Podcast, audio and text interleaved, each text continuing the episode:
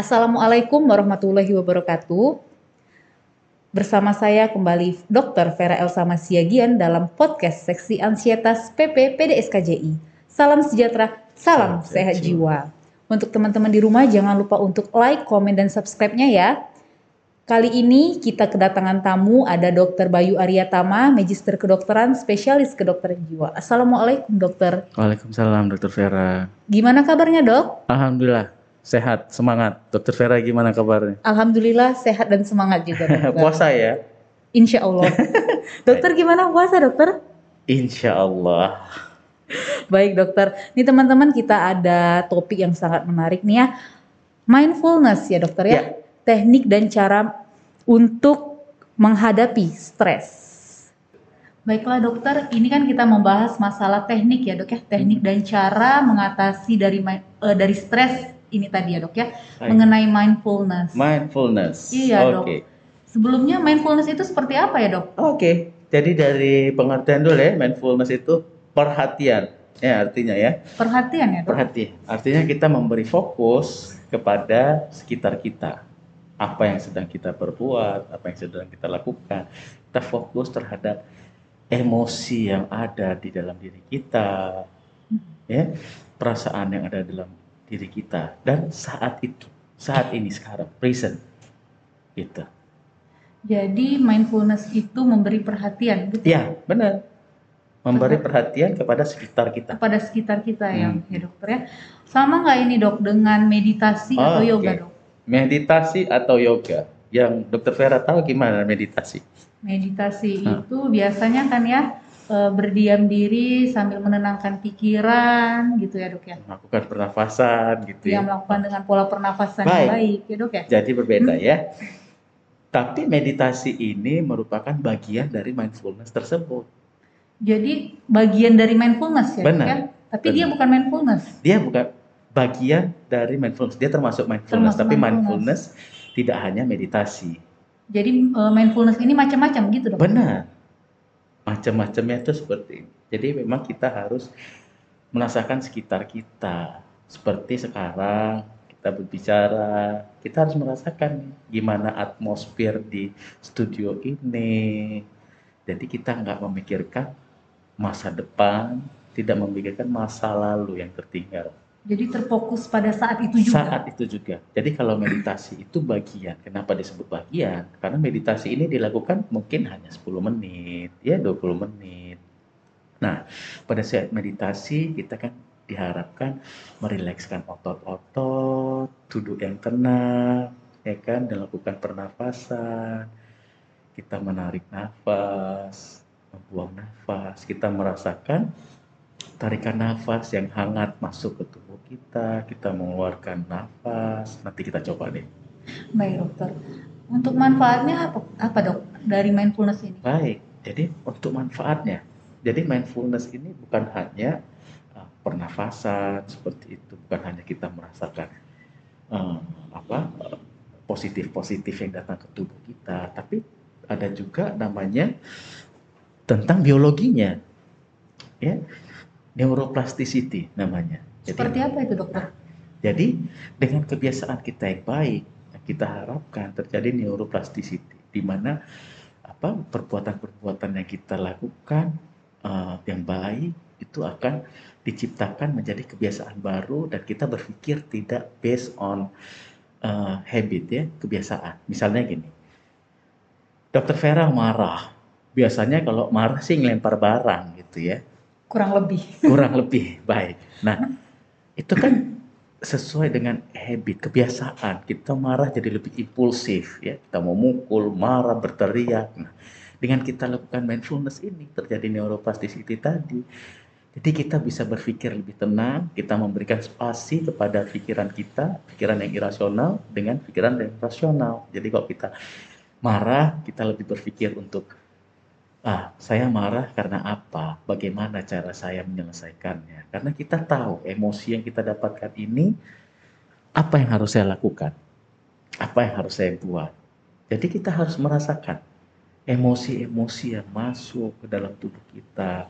Emosi kan macam-macam ya, marah juga emosi, senang itu juga emosi, sedih itu juga emosi. Jadi yang kita sering ngerasain sih kalau senang ya kan. Kalau senang baru kita, oh udah senangnya kerasa banget gitu senangnya. Padahal marah pun kita harus merasakan, kita harus nikmati kemarahan itu. Sedih pun begitu juga. Jadi dari mindfulness ini kita bisa mengatur emosional kita ya dok ya? Benar. Nah, dan mindfulness ini kan kita present saat ini. Jadi kita benar-benar hidup di masa sekarang. Kita tidak memikirkan masa depan, juga tidak memikirkan masa lalu. Katanya sih orang cemas itu adalah orang yang memikirkan masa depan. Orang depresi, sedih itu orang yang memikirkan masa lalu. Tertinggal di masa lalu ya. Makanya dengan kita belajar mindfulness, kita melakukan mindfulness sehari-hari, mental kita lebih kuat, mental kita lebih baik. Seperti itu.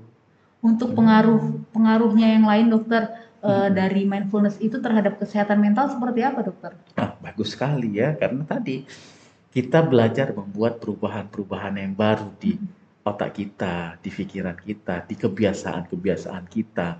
Jadi yang diharapkan memang uh, apa namanya kita jadi menikmati hidup kita saat ini tidak ke mana-mana gitu ya. Misalnya lagi kita makan gitu ya, itu juga termasuk mindfulness. Jadi saya cerita sedikit ya, dulu waktu sekolah saya diajak sama guru saya, guru besar lah ya, profesor. Pertama-tama saya heran, dia kalau makan, beliau kalau makan itu ngunyahnya pelan-pelan, dia sambil nutup mata gitu ya. Kita biasanya kita kalau makan mau cepet aja kan Ya, mau kan? cepat, mau selesai bisa lakukan aktivitas lain. Nah, gitu ya. Kadang pas sambil main handphone, sambil main handphone, sambil ngobrol, ya kan. Tapi saya lihat profesor itu begitu, beliau buat seperti itu, menikmati sekali. Apa? Ternyata setelah saya pelajari, saya baca lagi, ternyata beliau terus melakukan mindfulness ini ya. Jadi kita makan pun akhirnya saya tanyakan ya kenapa? Ternyata Prof makan seperti itu ada gunanya. Ya baru dia ketawa ya. Ya iya. Jadi kita harus menikmati bagaimana rasa nasinya dagingnya hidup saat itu tidak kita makan terburu-buru untuk cepat selesai kita sambil main handphone itu lakukan semuanya kita lagi mandi juga kita harus mindfulness memberi perhatian, memberi fokus kepada sekitar kita. Bagaimana air itu jatuh, kita rasakan ke kulit kita. Jadi kita nggak ke mana-mana mikirnya. Jadi lebih merasakan atmosfer sekitar betul, kita, ya dokter ya? betul, ya? Dari mindfulness betul, ini ya? Betul. Memang susah, ya susah ya. Melakukan hmm. mindfulness itu tidak segampang ya. Ah gampang itu mikirnya enggak, susah. Kayak mana cara kita mengatur emosi kita, tapi namanya proses pasti perlahan-lahan ya kan Ya, dari, akan jadi kebiasaan nanti. Ah, ya, ah, benar. Akhirnya menjadi kebiasaan. Hmm. Nah, setelah menjadi kebiasaan, mental kita jadi lebih kuat. Ya kan kita, misalnya kita dimarahin nih sama guru kita yang lagi sekolah ya contohnya ya, atau sama bos kita lagi kerja, kita nggak jadi berpikir ke depan. Biasanya kalau kita berpikir ke depan jadinya, aduh, matilah aku ini ke depan ini. Dia pasti marah terus lah sama aku nih pasti aku jadi nggak disukai. Jadi seperti itu ya. Tapi kalau kita mindfulness, kita jadi, oh iya juga ya, dia marah kepada saya karena saya buat salah. Caranya saya berarti harus lebih baik lagi. Yang salah saya hari ini harus saya benarkan. Nah, mudah-mudahan tercipta tuh yang seperti itu. Terus kita dengan mindfulness ini kita bisa menerima perbedaan-perbedaan. Kan sekarang banyak ya, banyak perbedaan, apalagi dari sisi politik, kita lihat banyak orang berantem gara-gara yang dia nggak ngerti ya kan. Padahal kita harus mengerti bagaimana pandangan kita, bagaimana pandangan dia, bagaimana pandangan agama yang satu, pandangan agama yang lain. Itu kan memang benar-benar harus kita rasakan mindfulness, kita mengerti sekitar kita, kita pahami. Jadi Benar. banyak banget ya dokter ya manfaat dari Benar. mindfulness ini ya dokter ya. Benar. Kemudian dok, eh, tadi kan dokter sempat bilang kalau mindfulness ini merasakan yang apa saat ini bukan kemarin, bukan Betul. yang masa depan ya Betul. dok ya. Untuk waktu yang sangat terbaik dokter, waktu terbaik untuk mindfulness ini kapan dokter? Setiap saat. Setiap saat. Benar. Berarti kita melakukannya setiap detik, setiap saat ya dokter. Iya, Tidak ada waktu terbaik atau apa? Tidak ada. Tapi kalau misalnya memang mau latihan pernafasan, jadi latihan pernafasan yang meditasi tadi itu biasanya pagi atau sore hari. Itu itu seperti kalau nge-gym lah ya. Nah, latihan otot orang, nah kita latihan mental kita, pikiran kita dengan meditasi tadi, pernafasan tadi, olah nafas. Bisa Untuk pagi atau sore. untuk langkah-langkahnya dok, bagaimana Langkah-langkah mindfulness. Iya, Oke, dari baik. Kita coba ya. Mungkin sekarang Dokter Vera boleh ngeletakin gadgetnya dulu. boleh. Boleh, dokter. Ha, ha. Baik Kita dokter. coba ya. Gimana Supaya nih, dokter? nanti Dokter Vera bisa ngerasain bagaimana atmosfer di ruangan ini. Kita harus rasain gimana suhu AC yang ada di ruangan ini. Terus hangatnya cahaya lampu. Kan sekarang kita di studio banyak lampu. Coba rasain hangatnya. Boleh ditutup matanya, Dokter Vera. Coba. Ini posisinya gimana nih dok? Boleh, Dokter Vera. Senyaman Eh, mungkin atau senyaman bagaimana? mungkin. Senyaman mungkin. Disenderin aja, boleh. terus ototnya diregangkan, dirilekskan. Relax aja ya Nah. dokter ya. Relax aja, tangannya dirilekskan, santai aja. Kayak hipnotis nggak ini dok? Bukan, Bukan ya? Nah, nah, kalau hipnotis kita ada stepnya lagi. Ada, ini untuk kita ya. sendiri. Jadi kalau mindfulness siapa aja bisa buatnya di mana aja.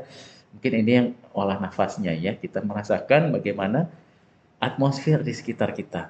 Jadi Dokter Vera bisa ngerasain. "Eh, saya lagi studio, saya lagi eh, bercengkerama dengan narasumber, dengan di hadapan lampu-lampu, ada videografer ya. Coba ya tutup matanya. Iya. Nah, rasain aja sekitarnya, tarik nafas dari hidung, keluarinnya dari mulut. Tuh, nafasnya kita buat dari nafas perut. Tuh, narik nafas, perutnya coba dikembungkan, waktu buang perutnya dikepiskan. Sambil dokter Vera ngerasain gimana suhu di ruangan ini ke kulit-kulitnya dokter Vera. Dokter Vera lagi pakai headphone, suara saya masuk ke telinganya dokter Vera, hangatnya lampu-lampu ini. Jadi dokter Vera jangan pikir ke mana-mana dulu, deh tetap di saat ini, di studio ini. Gitu. Terus kita lakuin setiap hari. Dokter Vera lagi belajar juga belajar sungguh-sungguh. Benar-benar kita di saat belajar. Kita lagi Jadi lebih tenang ya dok ya? Iya kan? Kita lagi Suasananya juga beribadah. Lebih hangat rasa. Nah, kerasa beda ya. Ini bisa dilakukan berapa lama dokter? Setiap saat aja. Misalnya dokter Vera lagi sholat. Biasanya orang sholat malah atau beribadah ya. Hmm. Nah, kita contohin sholat lah ya. Terus biasanya sholat tapi pikirannya tiba-tiba udah ke Dubai ya kan, ke KL, ke Bali. Nah, tidak mindfulness seperti itu kan, tidak khusyuk kalau kita di Islam bilangnya ya. Nah, jadi apa pun maks eh, di ibadah saja pun kita udah diajari untuk khusyuk. Khusyuk itu ya mindfulness itu benar-benar kita merasakan saat sholat ya kita sholat, kita di hadapan yang maha kuasa. Jadi kita dapat feel-nya, perasaannya, tenangnya. Sama setiap saat. Masak juga jangan buru-buru ya, buru-buru boleh, tapi tetap masak. Oh saya sedang masak nih untuk pasangan saya, anak saya. Jangan langsung, oh aku harus masak, terus sekarang mau sekolah, mau begini gitu. Itu yang membuat kita jadi cemas, jadi depresi, kita jadi bingung, jadi stres. Tapi memang mindfulness ini untuk orang-orang untuk mencegah pencegahan ya. Nah, tapi kalau sudah dia memang sudah terdiagnosa dengan cemas atau depresi ya, stres, itu memang harus konsultasi terlebih dahulu. Terutama mungkin kalau sudah parah, kita harus mengobatinya dulu. Mungkin dengan farmakoterapi atau obat-obatan atau dengan terapi-terapi yang lainnya. Kalau dia sudah tenang, dia sudah kembali seperti semula, baru bisa kita ajarkan mindfulness. Karena percuma. Biasanya orang yang udah gangguan cemas itu pasti dia nggak bisa lagi berpikir rasional, sudah susah. Ya kan? Karena memang ada zat-zat kimia yang sudah tidak stabil. Begitu juga orang yang depresi juga seperti itu. Jadi memang terasa sekali tadi dok waktu kita lakukan teknik Enak ya? ini. Iya. Bawaannya tenang, Benar. suasana AC yang dingin jadi hangat. Benar. Pikiran Beda memang jadi lebih tenang dokter. Nah. Nggak jadi gaduh gelisah Iya, iya ya. dokter. Untuk orang-orang seperti stres atau panik Iya. sangat membantu seperti Betul. ini dokter ya. Ya, apalagi ya, kita hidup ini pasti ada aja masalah. Nggak mungkin kita hidup nggak ada masalah ya kan. Mau dari PPK sekolah, mau yang kerja, pasti ada aja tekanan dari atas, dari bawah. Kalau kita tidak mindfulness, kita tidak mengerti perasaan kita. Jadi benar-benar kita ngerasain emosi, emosi kita ya. Kita marah, ya kita rasain. Eh saya saat ini marah. Tapi kak saya marah karena apa? Apa yang harus saya lakukan dengan saya marah ini? Jadi memang mindfulness ini juga banyak manfaatnya ya dokter Benar. ya. Cuman Benar. pada kondisi tertentu tidak bisa ya dok ya seperti Ah, iya, depresi, depresi, kecemasan. cemas, apalagi dengan orang yang ada psikotik itu susah ya. Susah ya, dokter ini ya. Kemudian eh, untuk mindfulness ini juga sebenarnya pencegahan ya dokter ya. Pencegahan. Bukan dari pengobatan. Pencegahan dan membuat kita semakin sehat, semakin produktif. Baiklah dokter, Ya, itu tadi pembahasan kita ya mengenai mindfulness mulai dari teknik dan cara menghadapinya untuk stres ya Baik. dokter ya. Dikarenakan waktu juga sudah selesai. Terima kasih dokter untuk kesempatan dan waktunya ya dokter ya. ya, terima kasih juga. Nanti kalau ada kesempatan jangan lupa untuk mampir lagi ya dok ya di Baik. podcast kita ya. Buat juga mindfulness-nya nanti ya. Dr. Iya baik dokter. Dan untuk teman-teman di rumah semoga bermanfaat apa yang udah kita sampaikan tadi. Eh, kemudian dok untuk teman-teman nih yang ingin jumpa dan konsultasi langsung Oke, bersama baik. dokter. Jadi saya ada di Rumah Sakit Umum Daerah Jasamen Saragi, Pematang Siantar. Juga dengan janji bisa di Klinik Jiwa Utama Binatma di Medan. Itu tadi teman-teman ya yang ingin jumpa langsung bersama dokter Bayu. Baiklah, sekian dari kami. Semoga bermanfaat. Tiada kesehatan tanpa kesehatan jiwa. Salam sehat jiwa. Assalamualaikum warahmatullahi wabarakatuh.